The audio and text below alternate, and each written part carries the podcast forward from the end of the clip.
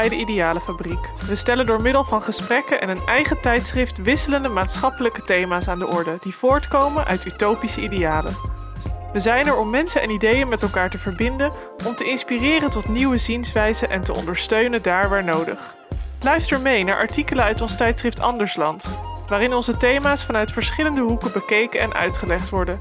Praat mee via onze website of sociale media.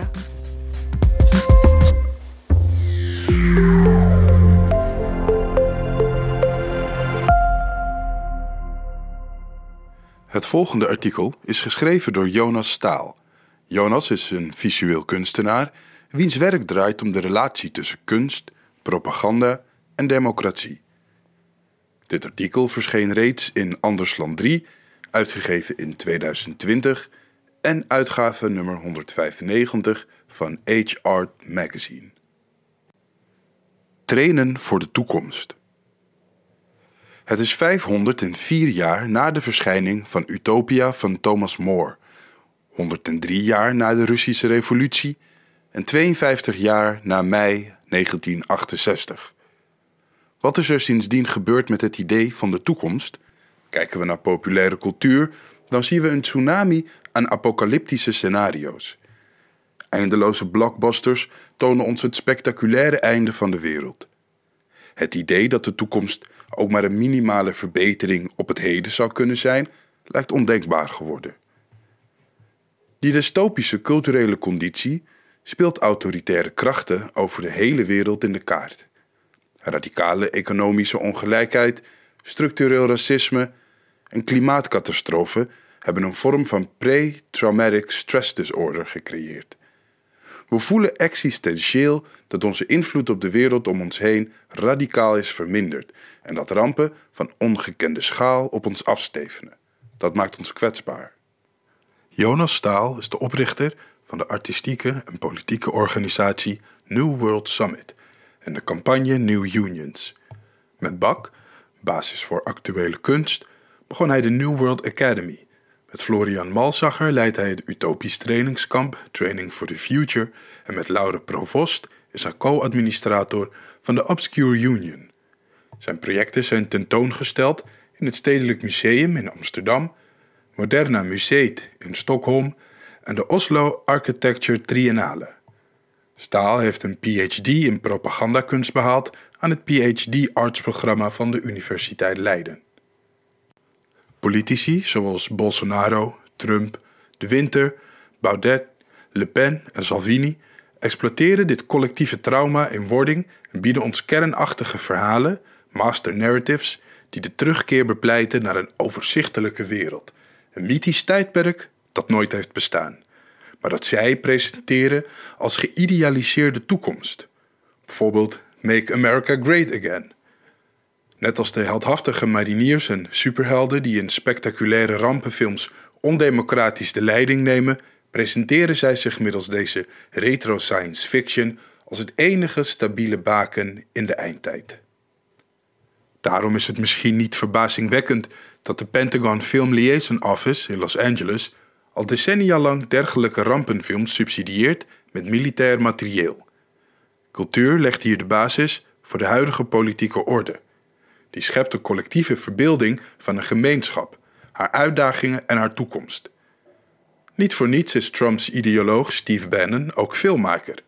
Hij verkondigt sinds 2004 in zijn documentaire pamfletten een aankomende eindstrijd waarin wit christelijk economisch nationalisme moet zien te triomferen, zoals in zijn Trump at War uit 2018. Dergelijke propagandakunst, door het Pentagon gesubsidieerde rampenfilms tot Bannon's alt-right cinema, heeft een ongekende invloed gekregen op onze samenleving. Gelieerd aan de oorlog tegen terreur en nieuwe alt-right regimes scheppen zij de dominante verhalen van onze tijd. Verhalen over collectieve vijanden, zoals vluchtelingen, terroristen, cultuurmarxisten en de globale elite. En daarmee tegelijkertijd verhalen over het ware volk dat deze vijanden moet bevechten. Hoe kunnen we deze dystopische propagandakunst weerstaan? Kan kunst de toekomst opnieuw denkbaar maken? Van kunst wordt veelal verwacht dat zij kritische vragen stelt en spiegels voorhoudt. dat zij ambigu en gelaagd is en de werkelijke politieke oriëntatie van de kunstenaar obscuur houdt. Spreekt kunst zich uit, dan wordt zij neergezabeld als propaganda en zou zij, wel beschouwd, eigenlijk geen kunst meer zijn. Maar neigt het verwerpen van een politieke positie in een tijdperk van dystopie niet al te sterk naar medeplichtigheid?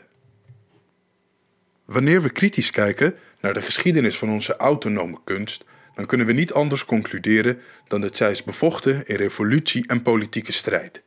In de Europese geschiedenis was het de Franse Revolutie die, mede dankzij revolutionaire kunstenaars als Jacques-Louis David, de eerste publieke musea en kunstsubsidies in het leven riep. Zij bevrijden kunstenaars van hun propagandistische rol, onderdanig aan de corrupte monarchie. Zo opende de mogelijkheid voor kunstenaars zich te verbinden met het publieke belang. Zo gaf David mede vorm aan de festivals van de revolutie, die een nieuwe republikeinse kalender en seculiere religie introduceerden.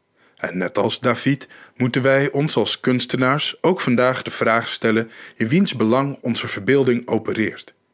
Is het ons doel het kapitalisme mooier te maken, de verdere commodificatie van kunst als elitegoed te faciliteren en ambiguïteit te preken in het aangezicht van nieuwe vormen van autoritarisme en fascisme? Of kan onze verbeelding bijdragen aan nieuwe politieke verbeeldingen van een wereld waarin een egalitaire toekomst opnieuw denkbaar, verbeeldbaar en dus realiseerbaar kan worden? Kan er tegenover dystopische propagandakunst zoiets als een emancipatorische propagandakunst bestaan? De onderbelichte geschiedenis van kunstenaars die zich bezighielden met vormen van populaire emancipatorische propagandakunst toont aan van wel.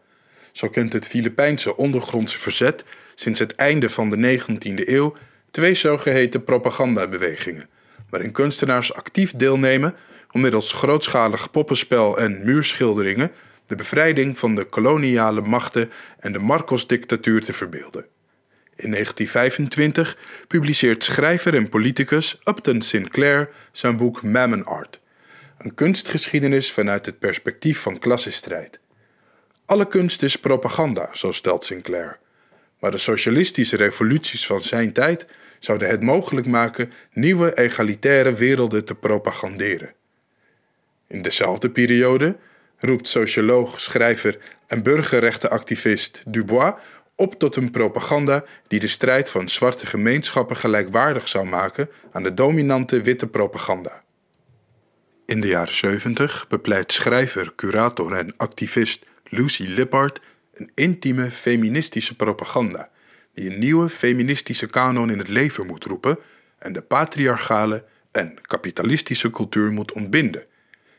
Recentelijk was het feminist en filosoof Donna Haraway die een nieuwe propagandakunst voorstelde waarin de coexistentie van menselijke en niet-menselijke subjectiviteiten wordt uitgedragen.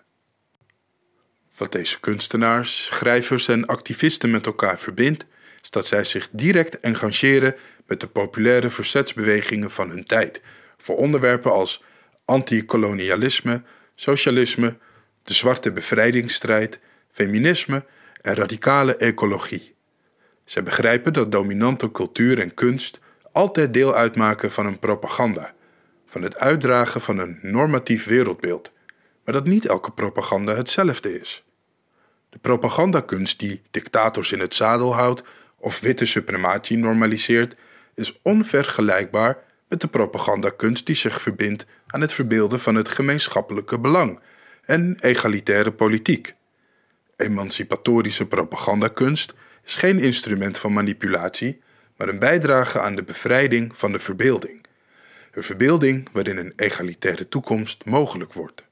Het project Training for the Future, dat Staal in 2019 organiseerde met Florian Malsacher in de industriële ruïnes van het Ruhrgebied in Duitsland, creëert een ruimte waar dergelijke allianties tussen sociale bewegingen, transnationale politiek en kunstenaars mogelijk moet worden gemaakt. Drie dagen lang werden in dit utopische trainingskamp 600 deelnemers geoefend in alternatieve toekomstscenario's voor de huidige dystopische cultuur. Een poging om ons de politieke, economische en culturele productiemiddelen in de toekomst opnieuw toe te eigenen. Zo trainden de abortusactivisten van Women on Waves deelnemers in extraterritoriaal activisme. De European Center for Genealogy Studies van de Koerdische vrouwenbeweging trainde mannen in het zich ontdoen van een patriarchale mentaliteit. Het collectief Public Movement oefende deelnemers in militaire en activistische choreografieën om nieuwe lichamelijke vormen van collectiviteit uit te dragen. Het Bunting deed praktijkoefeningen in intieme vormen van encryptie om de ondervraging van autoriteiten te weerstaan. Het Army of Love bepleitte de redistributie van liefde in een tijd van isolement en hyperindividualisme. Het initiatief Zwarte Mensen in Duitsland oefende in dekolonisatie. En Laboratory for Insurrectionary Imagination ontvouwde eco-activistische strategieën. En het pan-Europese European Alternatives introduceerde technieken voor transnationale campagnevoering. Dit utopische trainingskamp is een emancipatorische propagandaschool. Zij moet nieuwe allianties mogelijk maken en politieke en artistieke verbeelding met elkaar verbinden. De autoritairen hebben hun eigen studiekampen en kasteelbijeenkomsten, de plekken waar zij nieuwe witte elites oefenen in politieke strategieën en racistische denkbeelden. Zij die geloven in egalitaire politiek en cultuur, hebben eveneens hun eigen utopische infrastructuur nodig, hun eigen scholen en trainingskampen, hun eigen parlementen en transnationale partijen. Dystopische propagandakunst manipuleert ons met beelden van een toekomst in ontbinding, bevolkt door eindeloze vijandbeelden, met als doel de macht te grijpen en die te behouden. Emancipatorische propagandakunst heeft een andere, complexe en experimentele taak. Onze inzet is niet het ware volk te propaganderen, maar een volk in wording. Een gemeenschap van de toekomst die zich niet laat chanteren door fictieve vijanden of zich niet laat verleiden tot een terugkeer naar een evenzo fictief verleden, maar die de werkelijke existentiële collectieve dreigingen van het heden in de ogen kijkt. Precariteit, belastingparadijzen, fossiele energielobby, racisme en autoritarisme. Wij die geloven in emancipatorische politiek kiezen niet voor de autoritaire strategie om reeds kwetsbare groepen tot vijand te bombarderen. Onze opponenten, dat zijn de werkelijke machthebbers. Als plek van radicale verbeelding is kunst per definitie altijd politiek. Want zonder de verbeelding van een alternatieve toekomst kan die toekomst ook niet worden verwerkelijkt. Op het keerpunt waarop wij ons nu bevinden, een tijdperk waarin de aarde zich wreekt en de propagandaoorlog volop woedt, is de verbeeldingskracht van kunstenaars belangrijker dan ooit. Generaties van artistieke strijd zijn aan dit moment voorafgegaan. Dat is onze sociale, feministische en ecologische erfenis. Nu is het aan ons die geschiedenis van emancipatorische propagandakunst voor te zetten in het heden en ons collectief te trainen voor de mogelijkheid van een toekomst. Bedankt voor het luisteren naar de Ideale Fabriek. Vind ons op idealefabriek.nl, Instagram of Facebook en meld je ook aan als idealist. Samen kunnen we de samenleving een stukje verbeteren.